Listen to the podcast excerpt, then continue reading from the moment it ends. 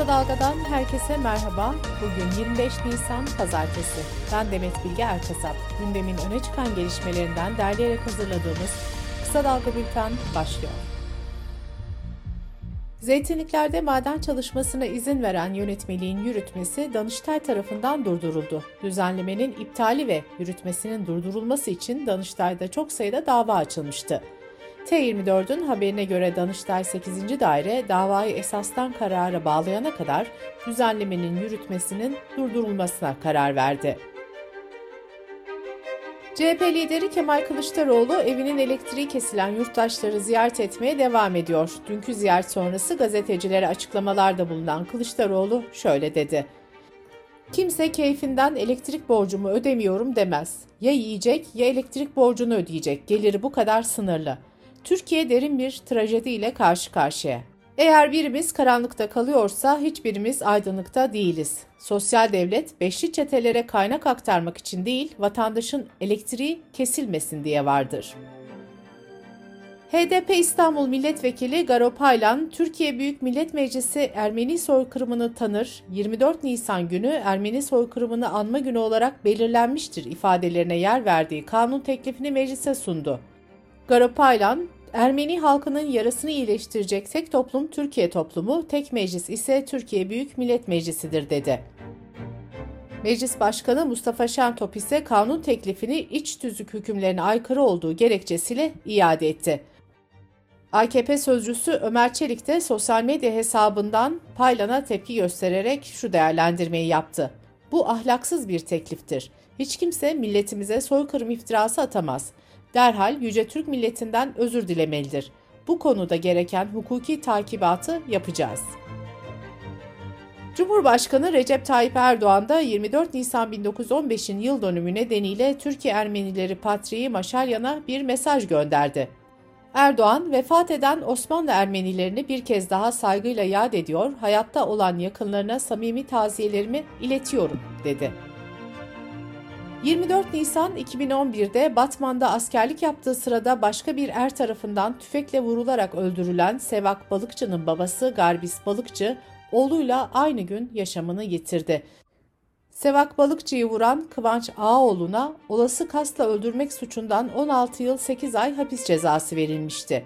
Aile uzun süre adalet mücadelesi yürütmüştü.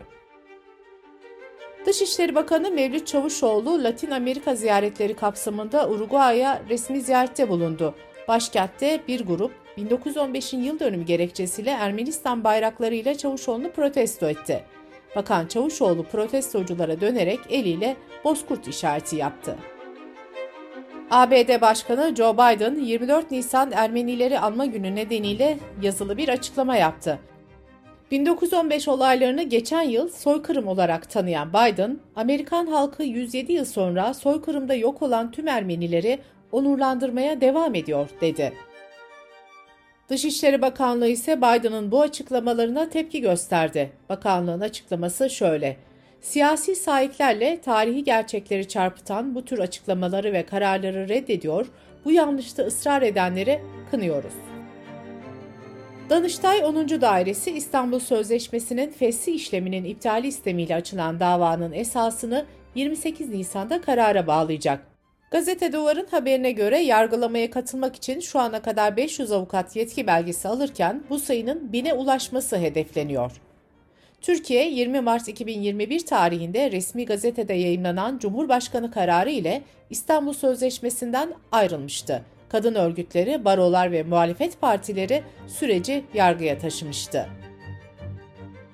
Şanlıurfa'nın Suruç ilçesinde 14 Haziran 2018'de Şen Yaşar ailesinden 3 kişinin öldürüldüğü olayla ilgili gözaltına alınan 11 kişiden 4'ü tutuklandı.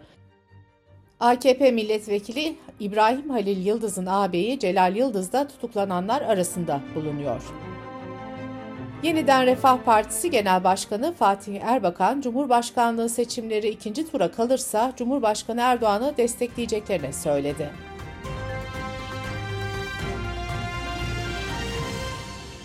Sırada ekonomi haberleri var. Metropol Araştırma Şirketi, Kılıçdaroğlu'nun eylemiyle yeniden gündeme gelen elektrik faturalarına dair son anketini açıkladı. Metropol'ün kurucusu Özer Sencar'ın paylaştığı Mart ayı verileri faturasını ödemekte zorlananların oranının %57'ye çıktığını gösterdi.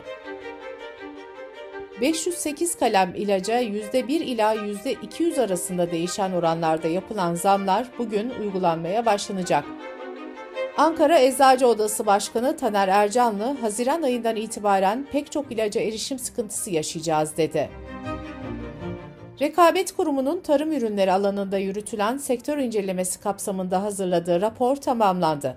Raporda zincir marketlerin alıcı güçlerinin sınırlandırılması için Ticaret Bakanlığı nezdinde haksız ticaret uygulamalarına yönelik tedbirlerin hayata geçirilmesi gerektiği belirtildi.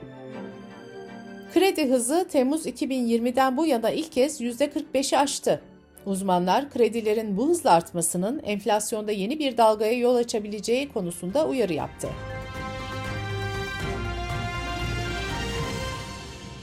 Dış politika ve dünyadan gelişmelerle bültenimize devam ediyoruz.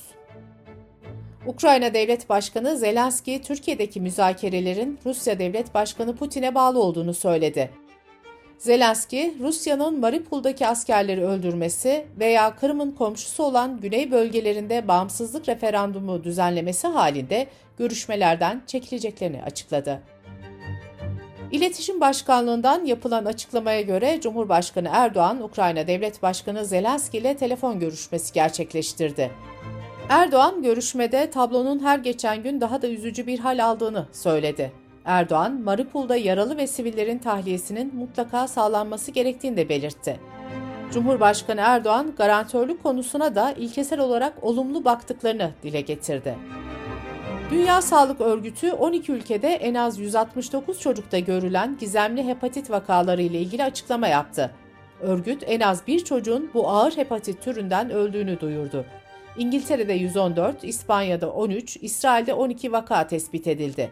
Amerika, Danimarka, İrlanda, Hollanda, İtalya, Fransa, Norveç, Romanya ve Belçika'da da vakalara rastlandı. Dünya Sağlık Örgütü gizemli hepatitin COVID-19 aşılarıyla bağlantılı olduğu iddiasını da reddetti. Açıklamada hastalanan çocukların büyük çoğunluğunun COVID-19 aşısı yapmadığına dikkat çekildi. Bazı uzmanlar bu çocukların bağışıklık sistemlerinin pandemi sırasında çok az sosyalleşmeleri nedeniyle zayıflamış olmasının gizemli vakaları açıklayabileceğini düşünüyor. Hepatitin semptomları arasında koyu renkli idrar, gözlerde ve ciltte sararma, yorgunluk, ateş, iştahsızlık, mide bulantısı, kusma, karın ağrısı, açık renkli dışkı ve eklem ağrısı bulunuyor.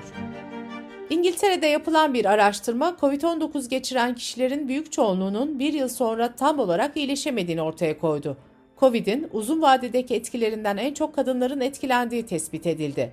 Araştırmacılar hükümetlere uzun COVID tedavisi için yatırım yapma çağrısında bulundu. Avrupa Birliği ile sosyal medya platform işletmecileri ve internet firmaları kullanıcılara daha güvenli internet öngören yasal düzenleme üzerinde anlaşmaya vardı. Bu kapsamda Facebook ve Google gibi teknoloji devleri daha sıkı düzenlemelere tabi olacak. Geçen Ocak ayından bu yana internet firmaları ve platform işletmecileri ile internette daha fazla güvenliğe yönelik yeni bir yasal çerçeve üzerine müzakereler sürüyordu. Düzenlemenin 2024 yılında yürürlüğe gireceği belirtiliyor.